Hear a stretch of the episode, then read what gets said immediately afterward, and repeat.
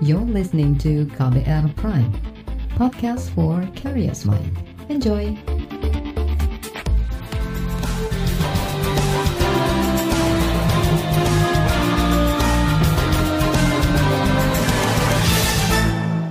Disiarkan langsung dari studio KBR di Jakarta inilah KBR sore untuk hari ini 10 Oktober 2022. Halo, selamat sore saudara. Apa kabar Anda sore hari ini? Kembali saya Reski Mesanto hadir menemani Anda selama kurang lebih 30 menit ke depan. Saudara, investigasi tragedi Kanjuruan di Malang, Jawa Timur masih berlangsung hingga kini. Sejauh ini ada tiga pihak yang menelisik untuk mencari tahu siapa yang bertanggung jawab atas peristiwa yang mengakibatkan 131 orang meninggal yakni dari pemerintah, kepolisian, dan gabungan lembaga masyarakat sipil. Lantas bagaimana perkembangan investigasi tersebut? Apa saja yang sudah ditemukan dan apakah temuan masing-masing pihak itu sama? Kita bahas selengkapnya di KBR sore.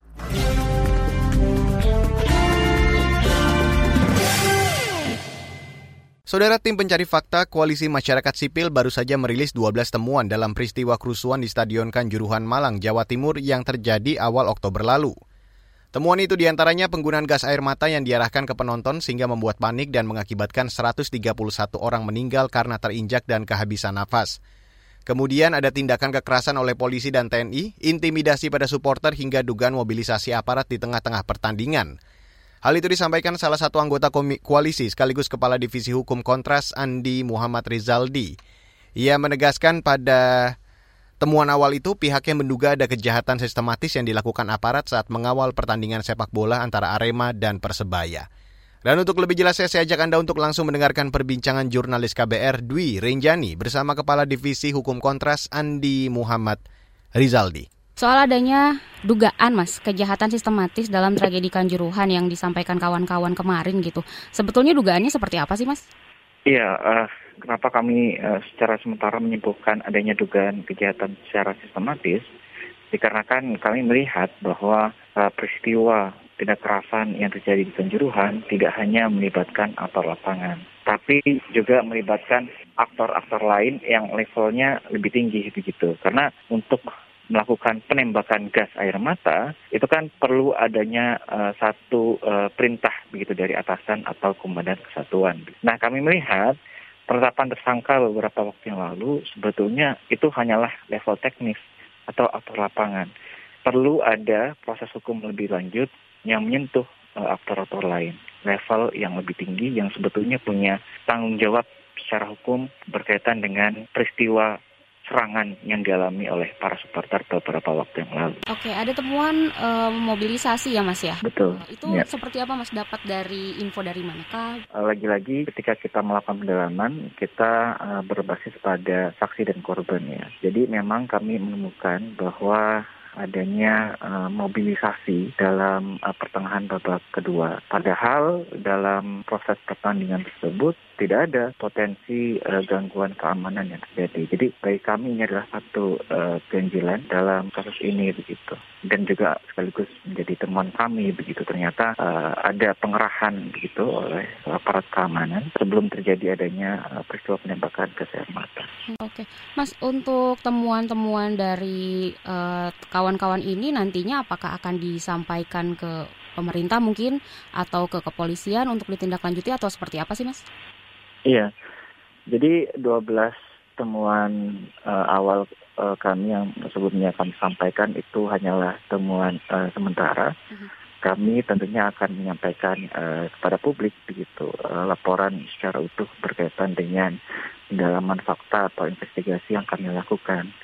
Dan dalam waktu beberapa uh, waktu ke depan kita akan menyampaikan laporan utuh itu, termasuk tentunya dari laporan itu kita akan sampaikan berbagai uh, fakta dan juga uh, dugaan pelanggaran hukum dan hak asasi manusia yang terjadi di uh, Kanjuruhan. Uh, akan dilaporkan ke kepolisian atau ke pemerintah mungkin mas, ke tim gitu? Iya, saya pikir uh, semua pihak ya yang memiliki kewenangan untuk uh, melakukan uh, proses hukum lebih lanjut ya berkaitan dengan peristiwa ini. Oke, Mas, uh, karena ini kan sistematis berarti kan ada alurnya begitu ya, perintah dan segala macam. Uh, dugaan sementara mungkin melibatkan siapa saja? Apakah kawan-kawan sudah ada dugaan nama-nama gitu? Iya, kalau untuk nama kami belum uh, bisa sampaikan. Uh-huh. Tetapi yang jelas kalau dalam proses mobilisasi atau pengerahan uh, aparat keamanan dalam konteks penanganan uh, huru hara kan kalau dilihat dari aparat keamanan atau kesatuan yang dikerahkan adalah uh, dari kesatuan Brimob ya. Ini sebenarnya kesatuan Brimob itu adalah kesatuan khusus mm-hmm. yang tidak bisa dengan sendirinya uh, diterjunkan dalam uh, uh, satu uh, apa namanya uh, tempat tertentu. Jadi ada permintaan dan juga perlu ada persetujuan dari uh, level pejabat Polri yang uh, posisinya lebih tinggi begitu. Mas ini kan tim juga banyak ya Mas yang dibentuk ada TGIPF gitu kan. Kalau menurut kawan-kawan sendiri tim yang dibentuk sama pemerintah ini eh, apakah bekerja sudah dengan maksimal atau mungkin ada yang hal-hal yang terlewat oleh tim eh, gabungan tersebut Mas? Iya, kalau dari berbagai obrolan kami dengan saksi dan korban ataupun korban, eh, mereka sejauh ini belum uh, ditemuin oleh uh, tim gabungan independen pencari fakta begitu. Jadi kami uh, meragukan nih kerja-kerja TGPF yang belum terlihat uh, secara nyata mendapatkan keterangan langsung dari saksi maupun korban atas peristiwa yang terjadi. Saudara itu tadi perbincangan jurnalis KBR bersama Kepala Divisi Hukum Kontras Andi Muhammad Rizaldi. Baiklah kita jeda sejenak. Setelah jeda akan saya hadirkan laporan khas KBR yang akan membahas bahaya tembakan gas air mata. Selengkapnya sesaat lagi. You're listening to KBR Pride, podcast for curious mind. Enjoy!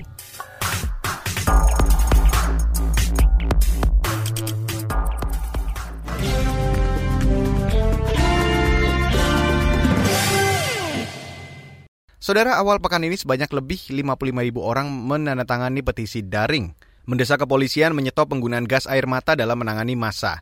Gas air mata bisa menjadi senjata mematikan karena bisa menimbulkan korban jiwa.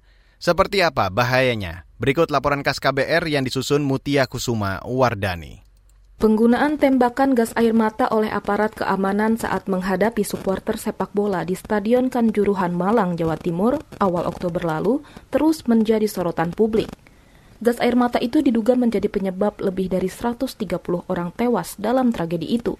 Dari situlah kemudian banyak muncul korban, korban yang mengalami patah tulang, yang mengalami trauma kepala, torak, dan juga sebagian besar yang meninggal, mengalami asfiksia. Itu tadi Kapolri Listio Sigit Prabowo pada akhir pekan lalu. Menurut Kapolri, kepanikan saat itu membuat orang berdesak-desakan. Sementara pintu keluar tidak sepenuhnya terbuka, sehingga membuat jalur keluar tersumbat. Sebagian besar meninggal karena asfiksia atau sesak napas. Tim pencari fakta dari Koalisi Masyarakat Sipil menduga jatuhnya korban jiwa hingga lebih dari 100 orang pada tragedi Kanjuruhan Malang merupakan efek penggunaan tembakan gas air mata. Anggota koalisi sekaligus Kepala Divisi Hukum Kontras, Andi Muhammad Rizaldi, menyoroti adanya mobilisasi personil kepolisian yang membawa gas air mata meski belum ada supporter yang turun ke lapangan. Padahal dalam konteks atau situasi saat itu tidak ada ancaman, atau potensi gangguan keamanan. Jadi ini kami melihat ada suatu hal yang ganjil. Anggota tim pencari fakta Koalisi Masyarakat Sipil Andi M. Rezaldi menganggap mestinya kepolisian menggunakan upaya lain sebelum menembakkan gas air mata. Misalnya dengan imbauan lisan atau suara peringatan maupun kendali tangan kosong lunak sesuai aturan. Tim menduga penggunaan gas air mata memicu kepanikan puluhan ribu supporter yang langsung berdesakan menuju pintu keluar stadion. Rizaldi menyebut dalam kondisi itu banyak supporter sesak napas, terjatuh, terinjak-injak hingga meninggal dunia. Kritik penggunaan gas air mata juga disampaikan anggota legislatif. Anggota Komisi Olahraga DPR Dede Yusuf menegaskan, Federasi Sepak Bola Dunia FIFA telah melarang penggunaan gas air mata untuk pengamanan di stadion sangat tidak diperbolehkan. Bahkan di FIFA, aturan FIFA juga itu sudah tidak boleh. Sudah ada kesepakatan tahun 2019 juga pada saat pertandingan waktu itu saya lupa di mana, juga mengatakan tidak boleh digunakan. Nah, kalau sampai digunakan, pertanyaannya adalah siapa yang mengizinkan bom asap itu digunakan? Kalau ada asap yang kebetulan asap ini buat bubarin demo, bukan hanya mata yang perih, tapi juga sesak napas. DPR menilai kepolisian seharusnya mengambil langkah penanganan yang tepat untuk menghalau massa agar menghindari jatuhnya korban jiwa. Keluarga korban juga mendesak tragedi diusut tuntas termasuk mengenai penggunaan gas air mata. Salah satu keluarga korban tragedi Kanjuruhan, Arif Junaidi mengatakan, anak sulungnya yang berusia 17 tahun meninggal di lokasi kejadian dengan kondisi memprihatinkan. Arif mengatakan anaknya mengalami kejang dan sesak napas.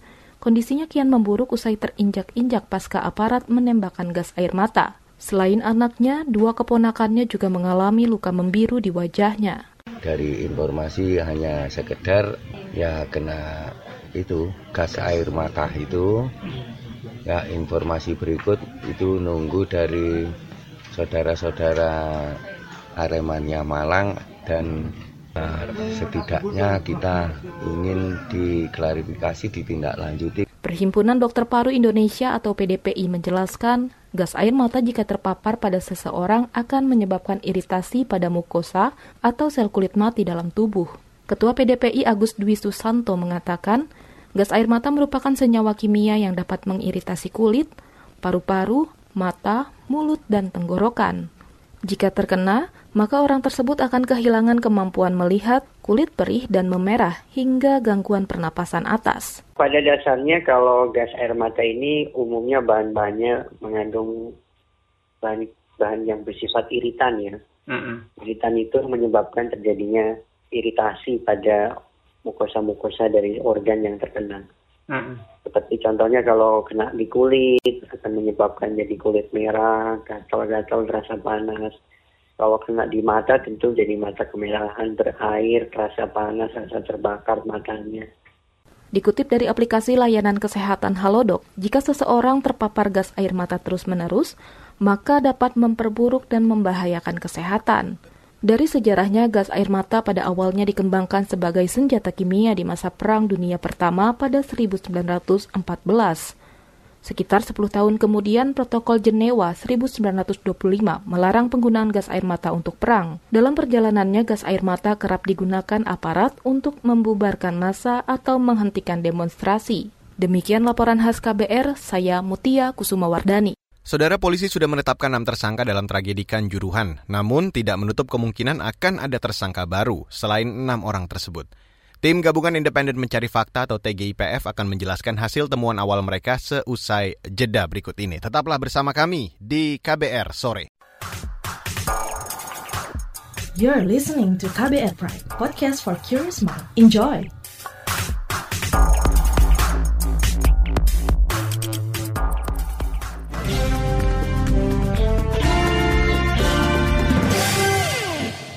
Saudara tim gabungan independen pencari fakta atau TGIPF masih melakukan penyelidikan dan penyidikan terkait tragedi di Stadion Kanjuruhan yang menewaskan 131 orang. Menko Poluka Mahfud MD mengatakan bukan tidak mungkin akan ada tersangka baru dalam tragedi tersebut, utamanya aktor yang terlibat dalam pemberian instruksi penembakan gas air mata. Kompolnas juga mengatakan, eh, eh, Komnas HAM mengatakan ya. Kemudian Kompolnas mengatakan tidak diperintah oleh Verli oleh Kapolres dan itu dikonfirmasi. Nah ini yang masih kita selidiki. Mungkin yang memberi perintah ini juga entah itu karena jabatannya, entah karena uh, perintah yang liar atau apa, itu mungkin dia besok yang akan diumumkan sebagai uh, tersangka. Bisa jadi, misalnya begini orang banyak gini, teriak, teriak, teriak satu, lalu ada temannya berbisik, tembak gitu kan. Dalam keadaan begitu kan tidak tahu dari mana dikira misalnya komandan pemegang ke uh, wewenang untuk memberikan. Padahal yang memberi wewenang di situ ada di situ. Tapi ini di tengah misalnya dibisikin oleh seseorang entah temannya entah orang luar yang dekat-dekat situ kan ramai sekali. Nah itu yang akan kita uh, selidiki. Kalau lihat keterangan yang uh, resmi ya yang resmi nanti kita selidiki dulu Mahfud menyebut tak menutup kemungkinan adanya aparat berpangkat lebih tinggi yang akan terkena sanksi baik administrasi maupun pidana. Kata dia, TGIPF saat ini tengah mendalami hal itu. Oh jadi begini, arahan presiden itu ditindak tegas yang melanggar hukum, proses secara hukum dan buka ke publik itu arahan presiden. Nah, tindakan hukum itu ada dua, satu hukum administrasi, dua hukum pidana. Kalau yang hukum administrasi gampang, penanggung jawab lapangannya siapa? Hukum administrasi itu kan hukumannya pencopotan, demosi, pemecatan, dari dari semua pekerjaan kalau pencopotan dari jabatan nah itu nah hukum pidananya ini sedang berlangsung itu sebagian kecil saja karena itu yang bisa dilakukan lebih dulu. Hukum administrasi itu penghukuman bisa dilakukan lebih dulu sebelum ada pemeriksaan. Tetapi kalau hukum pidana periksa dulu baru hukuman kan begitu. Itu bedanya hukum administrasi dan hukum pidana. Itu bagian dari yang sedang kita dalami. Siapa saja nanti yang harus kena hukum administrasi tadi ya eh, tentang kemampuan dia eh, mengurus dan siapa yang tindak pidana yang memang secara nyata dia e, melakukan sesuatu yang menyebabkan terjadinya kerusuhan itu. Di sisi lain, Komisi Nasional Hak Asasi Manusia atau Komnas HAM menemukan indikasi pelanggaran HAM dalam tragedi di Stadion Kanjuruhan Malang, Jawa Timur. Komisioner Komnas HAM Hoirul Anam mengatakan indikasi itu muncul setelah tim Komnas HAM mendapatkan beberapa temuan di lapangan. Dinamika ini jadi penting Nah, kami sedang menelusuri secara mendalam karena ada ada ada constraint waktu. Ya sekian menit itu di lapangan itu sebenarnya cukup terkendali. Ya kondisinya kalau kita lihat video, kita lihat informasi, ya keterangan dari supporter, dari perangkat e, pertandingan termasuk juga dari pemain itu sebenarnya sekian menit itu kondisi lapangan terkendali. Kami sayangkan ini kondisi ini kok e, ricuh, apalagi ya kericuhan itu banyak pihak yang memberikan keterangan pada kami itu akibat gas air mata. Nah, gas air mata membuat panik dan sebagainya sehingga ada terkonsentrasi di sana. Di beberapa titik pintu ya ada pintu yang terbuka sempit begitu terus ada pintu yang tertutup nah itu yang membuat banyak e, jatuhnya korban dalam konteks ini yang paling penting juga kami sedang dalam proses e, mendalami bagaimana perencanaan pengamanannya. Ya, perencanaan pengamanan ini bagi kami sangat penting. Kalau ada pertanyaan, kenapa sih kok gas air mata masuk dalam stadion gitu, padahal itu melanggar statuta FIFA misalnya, itu adanya di perencanaan. Apakah perencanaan pengamanannya dilakukan dengan matang, ya kan? Ada briefing, ada simulasi atau semacam gladi bersih di sana sehingga masing-masing orang Eh, petugas keamanan khususnya petugas keamanan yang BKO dari luar kota Malang itu mengetahui titik-titik krusial. Atau juga mengetahui titik-titik bagaimana budaya-budaya supporter khususnya supporter Aremania yang merangsek ke lapangan itu tidak akan terjadi ricuh yang seperti yang sekarang ini sampai banyak gas air mata dan lain sebagainya termasuk ini korelasinya dengan apa namanya permintaan misalnya jam pertandingan yang diminta sore tapi tetap dilaksanakan malam karena ditolak dan sebagainya. Nah perencanaan pengamanan inilah yang sedang kami juga uh, dalami. Saudara pengusutan kasus tragedi Kanjuruhan juga mendapat perhatian para pengamat hukum. Apa hasil analisis mereka terkait peristiwa ini? Selengkapnya sesaat lagi. You're listening to KBR Pride, podcast for curious mind. Enjoy!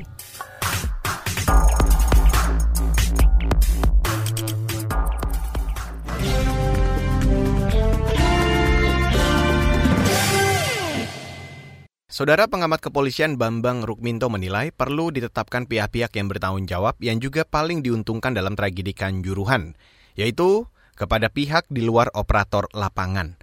Ini disampaikannya merespon temuan dari tim pencari fakta Koalisi Masyarakat Sipil soal adanya dugaan kejahatan sistematis dalam acara pertandingan sepak bola tersebut. Berikut saya hadirkan perbincangan jurnalis KBR Siti Sadida bersama pengamat kepolisian dari Institute for Security and Strategic Studies atau ISISS Bambang Rukminto. Tim pencari fakta dari Koalisi Masyarakat Sipil itu kan menemukan bahwa ada dugaan kejahatan sistematis pada tragedi Kanjuruhan. Kalau dari pencermatan Bapak, sepakatkah dengan uh, dugaan ini Pak atau ada tanggapan lainnya? Uh, kalau saya melihat gini, uh, insiden itu kan uh, saya yakin uh, tidak ada uh, unsur kesengajaan, kan. tetapi tetap saja ketika ada 130 nyawa yang hilang sia-sia dalam sebuah insiden harus ada seseorang yang bertanggung jawab. Siapa yang bertanggung jawab itu tentunya adalah yang paling bertanggung jawab adalah sosok uh, orang atau pihak-pihak yang paling diuntungkan dalam sebuah event uh, event sepak bola itu. Gitu. Siapa yang paling diuntungkan tentunya uh, dalam uh, dalam sebuah eh, itu adalah uh, panitia penyelenggara, kemudian event organizer, terus pengambil kebijakan, pengambil kebijakan uh, pengamanan, dan kemudian juga uh, organisasi, uh, otoritas tertinggi terkait dengan itu itu adalah orang pihak-pihak yang harus bertanggung jawab terkait dengan insiden itu. Tadi juga Bapak sudah menyebutkan pihak-pihak yang bertanggung jawab. Adakah mungkin pihak lain yang perlu kita uh, dalami begitu Pak keterlibatannya dan secara keseluruhan ancaman hukum pidananya seperti apa ya Pak? Uh, kalau terkait ancaman hukuman pidana, uh, silahkan tanya ke para pakar pidana lah.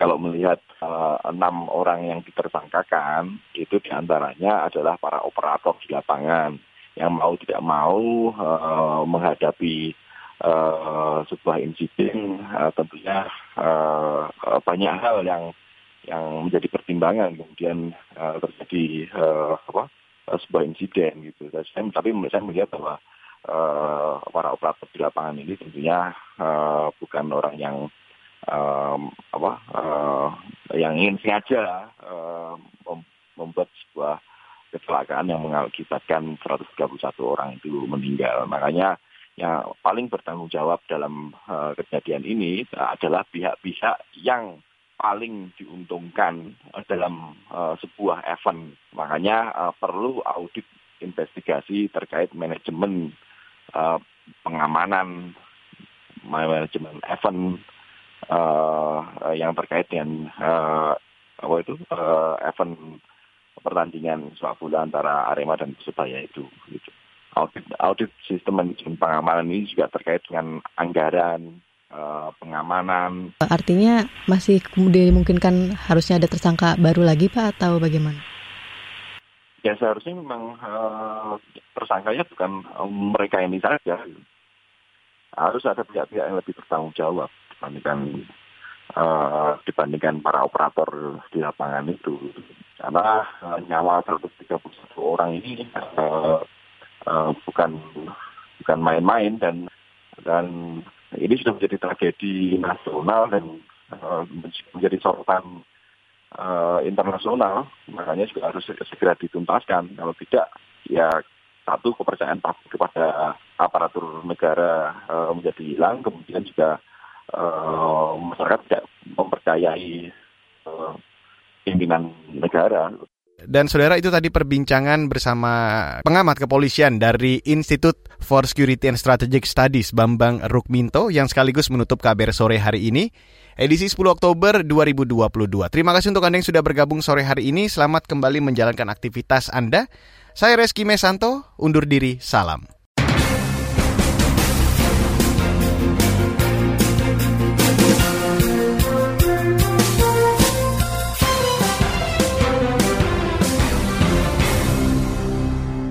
KBR Prime, cara asik mendengar berita. KBR Prime, podcast for curious mind.